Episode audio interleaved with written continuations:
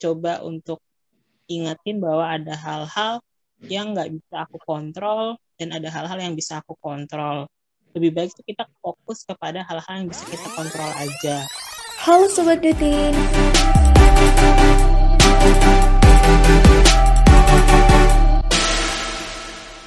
Halo Sobat Halo Sobat Dutin. Gimana kabarnya nih Sobat Dutin? Semoga baik-baik aja ya. Iya, balik lagi nih di podcast Dutins episode 2. Nah, di episode kali ini kita bakalan ngebahas tentang coping mechanism. Wah, apa tuh coping mechanism? Pokoknya yuk buat kamu yang penasaran, simak terus ya podcast ini sampai akhir. Iya, kenalin juga nih. Aku Faik sama satu lagi temanku Naila yang bakalan jadi host buat podcast kali ini. Oh iya, kita juga kedatangan bintang tamu nih dari divisi lain di Dutins kita bakalan ngobrolin sama mereka tentang coping mechanism itu. Siapa ya kira-kira? Yuk kita sapa mereka dulu. Halo Kak Azra. Kak Azra, halo Kak Audra. Hai hai, halo Kak Ip, halo Nai. Halo. Kak Audra. Gimana kabarnya nih Kak? Alhamdulillah baik dan bahagia. Gimana nih kalian? Baik sama Nai. Kaudra juga gimana nih kabarnya? Alhamdulillah aku baik. Kalian gimana? Alhamdulillah baik juga. Aku juga baik sih. Oke, pertama-tama nih, boleh dong perkenalan diri dulu dari divisi mana, terus sekarang kuliah di mana, semester berapa, sama uh, kira-kira kesibukannya apa sih? Oke, mulai dari yang pertama Kak Azra dulu deh. Oke, halo semuanya. Aku Azra. Aku dari divisi project di Dutins. Nah, aku dari jurusan kalau misalkan orang bilang-bilang sih jurusannya ngeramal gitu. Jadi aku jadi dari jurusan psikologi dari Universitas Pajajaran. Aku sekarang lagi jalan ke semester 3, OTW semester 3 dan kesibukan aku ngapain ya? Aku di rumah kayaknya ngegabut deh. Iya, sama banget sama aku juga gabut banget di rumah aja terus lanjut ya ke Kak Audra gimana nih Kak boleh dong kenalin ke Sobat Dutin Oke, okay, halo semuanya. Kenalkan, aku Audra, aku dari Divisi Konten Creator Dutins. Aku mahasiswa Fakultas Hukum Universitas Brawijaya angkatan 2019. Uh, jadi aku sekarang on the way semester 5 kalau untuk kesibukan sendiri mungkin sibuk ngurusin divisi konten aja kali ya gak banyak soalnya kan lagi ppkm nih produktif banget ya kalau udah ppkm-nya keren Oh, Kak Azra kan juga produktif ikut oh. volunteer dutin. Waduh, kalian juga dong berarti. Dengan tidak langsung kita produktif gitu. Iya tapi tapi Kak Azra sama Kak Audra tuh ikut kepanitiaan gitu nggak sih? Kan sekarang kayak udah mau ospek kan? Bulan-bulan mau ospek. Kalau aku sih uh, aku ikut kepanitiaan tapi bukan kepanitiaan ospek sih. Mungkin kalau Azra mungkin? Aku ikut kepanitiaan uh, aku ikut Severia Severia itu ya semacam lomba buat jurusan psikologi gitu sih guys ternyata kita kedatangan bintang tamu yang produktif-produktif ik betul sekali. Nah, kita kan pas banget nih ya ik kita lagi di masa pandemi terus kemarin juga ada berita kalau ppkm itu diperpanjang. Jelasnya kayaknya banyak nih masalah yang kayak makin gak karuan gitu. Apalagi kita di rumah aja kan mau gerak aja dipatasin terus buat keluar-keluar juga kayaknya dibatasin banget kan Iya betul. Ada nggak sih hal yang paling bikin Kak Azra sama Kak Audra kewalahan gitu selama masa pandemi akhir-akhir ini? Boleh nih dijelasin jenuh dulu. Gitu ya, ya? Gimana? Yang bikin jenuh gitu. Ah iya bener. Yang jenuh udah ah gimana? Apaan sih ini pandemi kapan kelarnya gitu kan? Boleh nih kayaknya diceritain dari Kak Audra dulu kali ya. Kejenuhan ppkm ya kejenuhan pandemi. Uh, mungkin gak gak jauh beda dari orang kebanyakan ya. Gak bisa ketemu teman gak bisa uh, ketemu keluarga gak bisa keluar jalan jalan-jalan dengan luasa dan mungkin kalau untuk aku secara personal itu gak bisa yang namanya me time ke tempat-tempat yang aku pengenin. Jadinya tuh uh, gimana ya yang biasanya uh, kalau me time jenuh tuh uh, pergi sendiri ke suatu tempat yang disukain. Terus karena ppkm karena pandemi kan semua serba terbatas ya nggak bisa leluasa. Jadinya jenuh gitu nggak bisa keluar dengan uh, leluasa nggak bisa yang dilakuin yang yang dipengenin. Mungkin kejenuhan utama aku itu sih. Hmm. kalau kak Azra gimana nih kak apa sih yang bikin jenuh? Apalagi nih kan kabar-kabarnya semester 3 nih atau udah pasti malah bakalan online lagi. Apalagi kak Azra kan kak Azra semester 3 ya kak? Bener nggak? Betul. Belum, belum pernah, pernah ke kampus. kampus malah. Eh udah pernah belum, belum pernah ketemu temen malah. Oh iya. Sama virtual terus. Kalau Kak Audra kemarin berarti kayak baru setahun gitu ya udah PPKM eh udah PPKM udah pandemi. Iya gak sih? Malah udah hampir oh iya Belum gak nyampe setahun. tapi aku udah pernah merasakan. Oh. lagi ospeknya. Ospeknya offline gak kayak yang angkatan 2020 nih. Betul. Dari ospek sampai sekarang masih ya, belum bener. kelas offline. Oke. Aku izin menanggapi yang tadi ya iya uh, iya. Jenuhan oke okay, kalau dari aku sendiri sih kayaknya cukup terbalik gitu ya sama Kak Audra kalau misalkan Kak Audra me time kalau aku mulai jadinya uh, bersosialisasi sama temen gitu. Aku ngerasa jenuhnya karena aku nggak bisa berinteraksi sama teman-teman aku dengan orang luar. Ya apa ya jadi terbatas gitu sih. Pembicaraan dengan orang-orang di luar mengenai banyak hal kayak gitu. Oke, relate banget nih sama kita semua kayaknya. Kan kalau misalnya di kondisi normal, biasanya kita kalau lagi suntuk gitu, bisa main sama teman-teman, jalan-jalan, terus seru-seruan bareng sama orang lain secara langsung buat balikin mood kita. Nah, tapi dengan adanya pandemi ini, apalagi kan sekarang PPKM ya, pasti nambah bikin stres nggak sih? Soalnya kita nggak bisa lagi nih bersosialisasi secara langsung sama orang lain. Nggak bisa bagi-bagi cerita atau curhat secara langsung sama teman-teman kita. Nah, apalagi buat yang anaknya ekstrovert tuh kayaknya bakalan berasa banget nggak sih? Nah, maka dari itu, aku tuh kayak sering banget nih denger-denger orang ngomong tentang coping mechanism kalau lagi ngebahas masalah stres Nah, sebenarnya apa sih coping mechanism itu?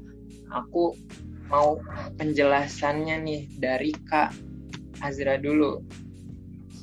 Oke, okay, coping mechanism ya. Sebelum masuk ke coping mechanism, pasti kita nih sebagai mahasiswa pasti relate banget kan kalau misalkan dalam kehidupan sehari-hari itu ada hal yang positif dan ada hal yang negatif gitu uh, di kehidupan kita yang terjadi. Nah, untuk coping mechanism ini sendiri lebih berfokusnya ke hal-hal yang negatifnya ini nih. Jadi coping mechanism itu e, mekanisme atau strategi atau hal-hal yang bisa kita lakuin untuk menghadapi situasi-situasi yang berhubungan dengan hal-hal negatif itu yang bisa menyebabkan stres ataupun e, bisa terganggu gitu psikologis kitanya. Seperti itu. Kalau menurut Kak Audra gimana? Kalau uh, menurut aku uh, make coping mechanism atau strategi coping atau bahasa lainnya itu mekanisme coping itu mungkin uh, aku kan da gak dari awam lah ya uh, mungkin gampangnya aku tuh usaha untuk mengurangi stres yang terjadi jadi kan uh, kalau kita ngalamin stres yang itu kan akan menimbulkan energi uh, atau efek baik itu fisik ataupun psikis ke diri kita sendiri. Dan uh, untuk mengatasi hal tersebut terjadi itu kita melakukan suatu tindakan. Nah, di mana tindakan tersebut dinamakan sebagai coping mechanism. Itu. Oke, itu penjelasan dari uh, coping mechanism itu apa ya? Nah, aku juga pernah baca-baca nih tentang coping mechanism. Katanya ini di uh, ada dua metode dari coping mechanism. Yang pertama tuh emotion focus coping sama problem focus coping. Nah, Kak Audra boleh dong dijelasin apa nih sih pengertiannya apa nih perbedaan antara emotion focus coping sama problem focus coping? Oke, okay, uh, eh, bener banget coping mechanism itu uh, ada dua uh, uh, strategi atau metodenya. Yang pertama itu kan ada problem focus coping, di mana sesuai namanya lah ya ada problem gimana uh, fokusnya itu lebih kepada menyelesaikan masalah atau problem solving gimana kita menghadapi masalahnya itu secara langsung sedangkan kalau misalnya untuk emotion focus coping sesuai dengan namanya lagi itu kita fokus kepada emosi-emosi atau perasaan yang ada dalam diri kita jadi uh, kalau yang problem itu itu upaya-upaya yang kita lakukan untuk mengubah situasi stres melalui pemecahan masalah. Sedangkan kalau misalnya untuk yang emotion focus coping ini upaya atau tindakan yang kita lakukan untuk mengatur emosi atau perasaan yang buruk yang diakibatkan oleh uh, suatu hal yang terjadi yang membuat kita stres. Di mana kalau misalnya di problem ini tuh biasanya uh, pada masalah-masalah yang masih kita dapat kontrol atau yang masih kita bisa handle gitu. Tapi kalau misalnya emotion itu lebih kepada hal-hal atau permasalahan yang uh, kita tuh susah untuk handle atau ubah gitu loh. Kayak gitu sih. Ya, aku izin menanggapi ya dari pernyataan Kak Audra tadi. Benar banget ya yang kata Kak Audra kalau misalkan emotion itu berfokusnya pada emosi dan yang uh, problem fokus coping ini berfokusnya ke pemecahan masalah.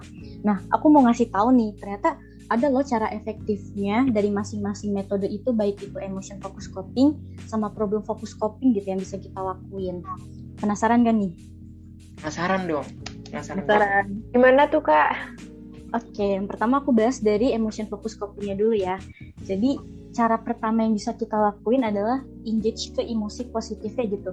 Jadi hmm. dari emosi negatif yang kita rasain, sebisa mungkin kita tuh berusaha gitu mencari emosi positif uh, dari emosi negatif yang kita rasakan. Nah, contohnya ini ya bisa aja kita uh, melakukan dengan cara bersyukur gitu di tengah-tengah rasa frustasi ataupun rasa kecewa kita. Yang kedua itu mencoba untuk mencari benefit atau makna gitu dari emosi yang kita rasakan. Uh, pasti udah sering denger gitu ada quotes kalau misalkan di setiap kesulitan pasti ada maknanya gitu atau ada uh, ada hal yang balik uh, hal yang baik yang bakal balik ke diri kita sendiri. Nah itu contohnya dari yang uh, mencoba untuk mencari benefit atau makna sendiri. Nah yang ketiga ini ini lebih ke personal gitu sih karena yang ketiga ini caranya adalah lebih terbuka dengan perasaan kita. Jadi sebisa mungkin emosi yang kita rasakan ini tuh diekspresikan, jangan ditahan-tahan untuk diri kita sendiri.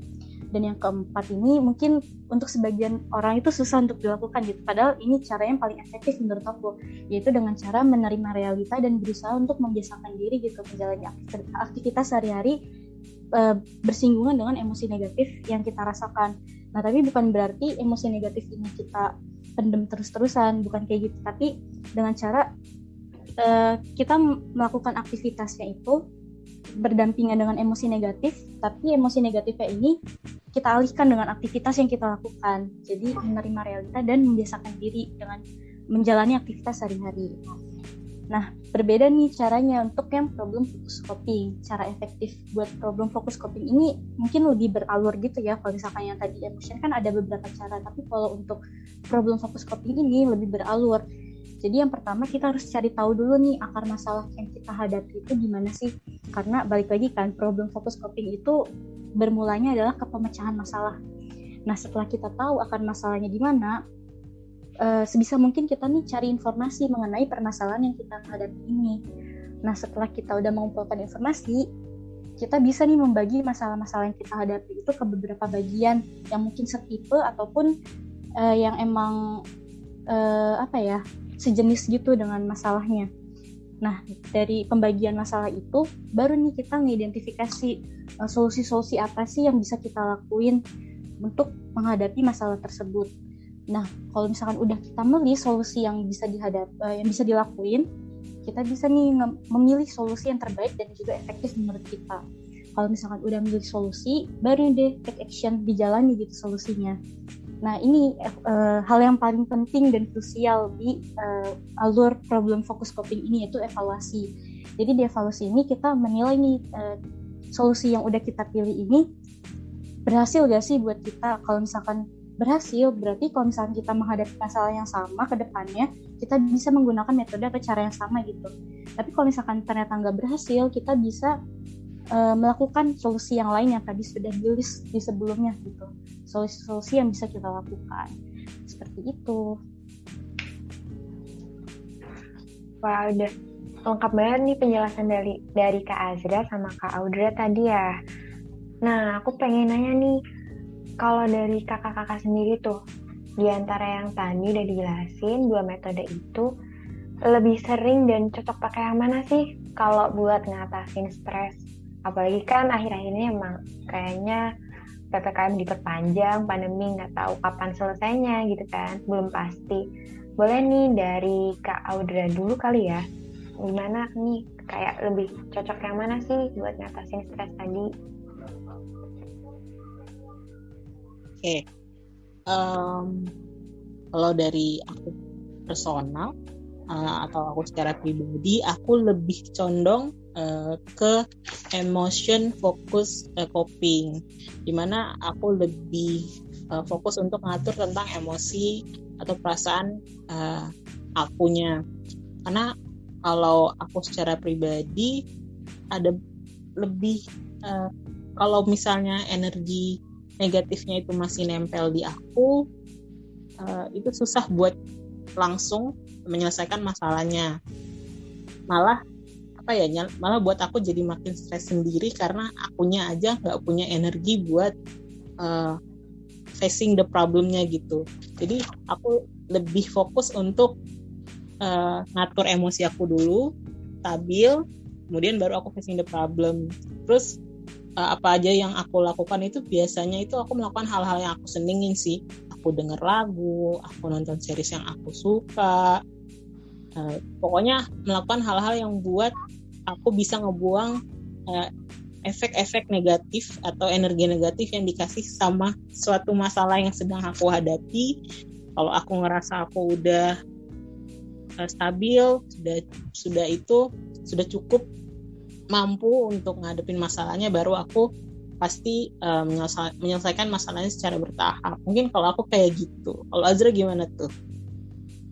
Aduh, kayaknya kebalikan ya. Kalau misalkan kalau Azra ke emotionnya, kalau aku mungkin lebih condong ke problem fokus copingnya gitu kak kenapa kayak gitu karena aku tipikal orang yang buka bukan perasa banget gitu sih jadi kalau misalkan aku lebih condong ke arah emotion kayaknya kurang cocok ke diri aku dan terlebih aku juga uh, orangnya struktural banget gitu. Jadi kalau misalkan aku nemuin permasalahan yang pertama aku lakuin adalah mencari masalahnya itu dan aku berusaha untuk memperbaiki uh, masalah itu. Kayak gitu. Tapi ini ya berdasarkan pengalaman aku aja sih kalau misalkan aku nemu masalah ya aku lebih condongnya ke problem fokus coping. Tapi balik lagi ya kalau misalkan eh, nggak uh, semua hal itu bisa dilakukan dilakukan dengan problem fokus coping ini. Jadi tergantung ke kitanya masing-masing dan juga permasalahan yang dihadapinya juga sih. Kayak gitu. Kalau Faik sama Nai gimana nih? Dulu nih Nai apa aku? Mau aja kamu oh. dulu. Kalau aku biasanya menghadapi masalah tuh mungkin dilihat dulu kali ya masalahnya tuh kayak gimana. Mungkin berarti perpaduan antara emotion sama satu lagi apa tadi problem ya. Kalau misalnya masalahnya tuh menurutku kayaknya nih harus diperbaiki gitu. Mungkin bakalan menggunakan metode yang problem tadi karena uh, berarti kan uh, aku bisa mengusahakan untuk memperbaiki keadaan gitu. Tapi kalau misalnya masalahnya tuh kayaknya duh kayaknya aku udah nggak sanggup lagi deh. Mendingan ya udahlah kita uh, buat menghilangkan stresnya buat menghilangkan kejenuhannya tuh uh, lebih baik mengandalkan emotion focus coping. Jadi ya udahlah terima aja gitu. Atau dialihin gimana ya caranya biar gak stres-stres banget gitu. Kalau kamu naik gimana naik kalau aku kayaknya lebih condong mirip sama kayak Kak Azra sih. Kalau misalkan ada masalah kayak ya udah kita cari dulu apa sih apa ujung benangnya tuh apa gitu loh. Hmm, biar biar kayak nggak bikin nggak bikin aku tuh kayak biar nggak terlalu stres gitu. Soalnya kalau misalkan kayak nanti kalau pakai emosi tuh kayak aku malah kayak berlarut-larut gitu loh kayak susah malah. Jadi kayak ya udahlah biar lebih terstruktur kayak rasional gitu loh. Jadi biar masih waras sampai sekarang gitu. Kalau aku gitu sih. Menarik ya, ternyata tiap orang beda-beda gitu. ya benar jadi kayak mungkin ya tadi udah dibilang kan sama kak Audrey sama kak Azra kan tadi kan kayak dua orang yang berbeda terus punya caranya yang sendiri. Jadi kayak ya kita setiap orang punya caranya masing-masing gitu ya. Unik gitu ya tiap orang itu. Betul banget. Mungkin boleh nih dari kak Azra kali ya?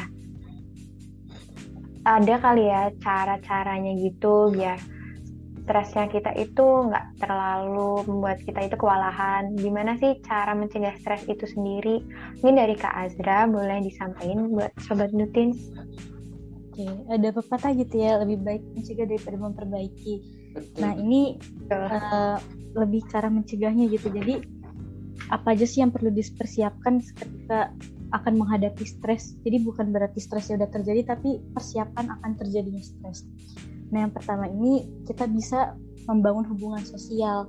Jadi kita uh, apa ya, membangun komunikasi gitu, entah itu ke keluarga, ke teman, ke kerabat, ke relasi-relasi kita. Pokoknya ya bisa mungkin membangun jalin hubungan komunikasi gitu dengan orang lain.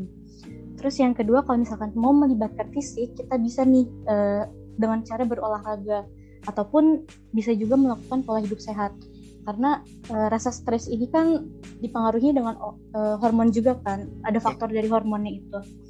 Nah dengan olahraga ataupun melakukan pola hidup sehat ini kita bisa ngebantu dari sisi biologis ya dari segi hormonnya gitu. Terus yang ketiga adalah uh, bisa nih buat produktif gitu. Biasanya orang stres itu kalau aku sendiri ya aku stres karena, karena aku nggak bisa ngapa-ngapain gitu. Aku bingung mau ngelakuin apa. Nah mungkin cocok nih misalkan orang yang uh, apa ya suka mencari kegiatan berusaha buat produktif gitu untuk mencegah si stres itu sendiri. Dan ini mungkin yang terakhir gitu dari aku. Kalau aku sendiri tuh mencari lingkungan yang bisa ngebuat aku tuh keluar dari zona stres itu sendiri.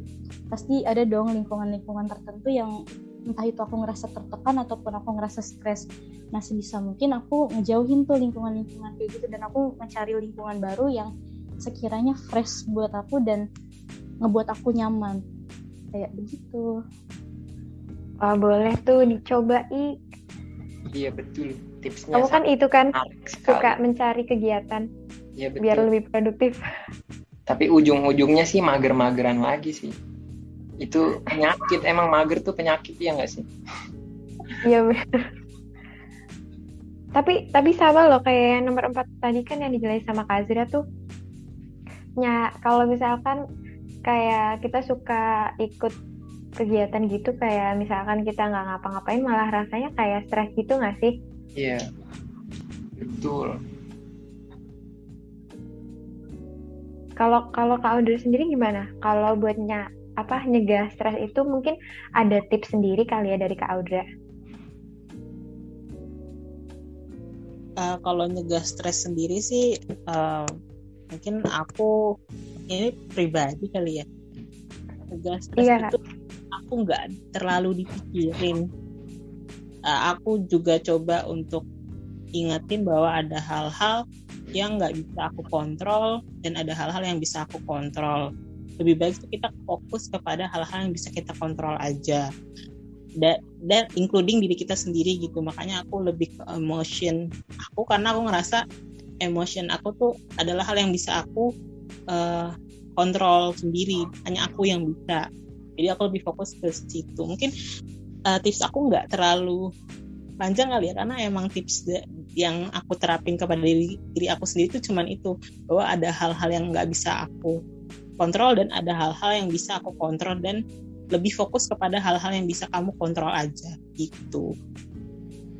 Oke, jadi kayak yang penting uh, ngontrol diri sendiri dulu aja gitu ya kak? Dari aku sih kayak gitu. Oke, tapi itu bisa dicoba sih. menarik banget loh uh, tipsnya dari Kaudra itu lebih ke arah personal dan itu menurut aku juga penting gitu. Oh iya benar-benar. Kayaknya emang uh, coping mechanism ini juga penting buat kita semua nggak sih kak? Kayak setiap orang harus tahu cara mencegahnya biar nggak kewalahan gitu, biar oh. nanti nggak stres-stres amat gitu ya. Terus biar nggak terjerumus kepada hal-hal buruk juga. hal-hal buruk gimana tuh? Betul. Kan kadang iya, ada orang stres terus dia tuh melakukan hal-hal yang negatif buat menghilangkan stresnya gitu loh. Ya enggak sih? Iya, iya benar-benar. Betul, betul.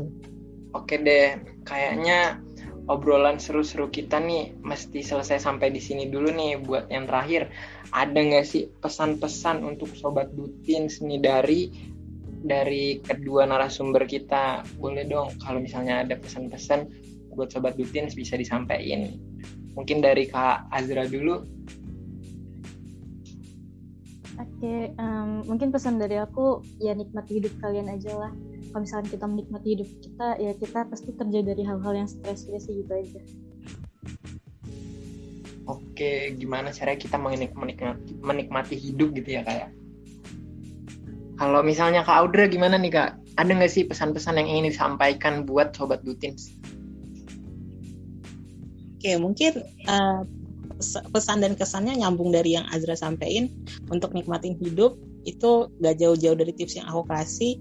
Mungkin kita coba untuk fokus sama hal-hal yang bisa kita uh, kendaliin aja karena menurutku cara gampang untuk menikmati hidup itu dengan fokus kepada hal yang bisa kita kendaliin itu.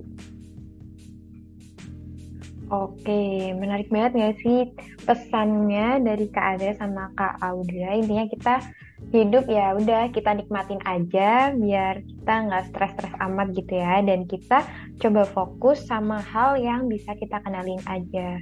Betul. Oke deh, kayaknya cukup sekian obrolan dari uh, obrolan seru dari kita berempat nih. Terakhir banget jangan lupa buat sobat Dutims di rumah untuk selalu menjaga protokol kesehatan ya. Sehat selalu. Faik, Naik, Kak Audrey sama Kak Azra pamit undur diri. Sampai ketemu lagi di podcast selanjutnya ya. Dadah. Dadah.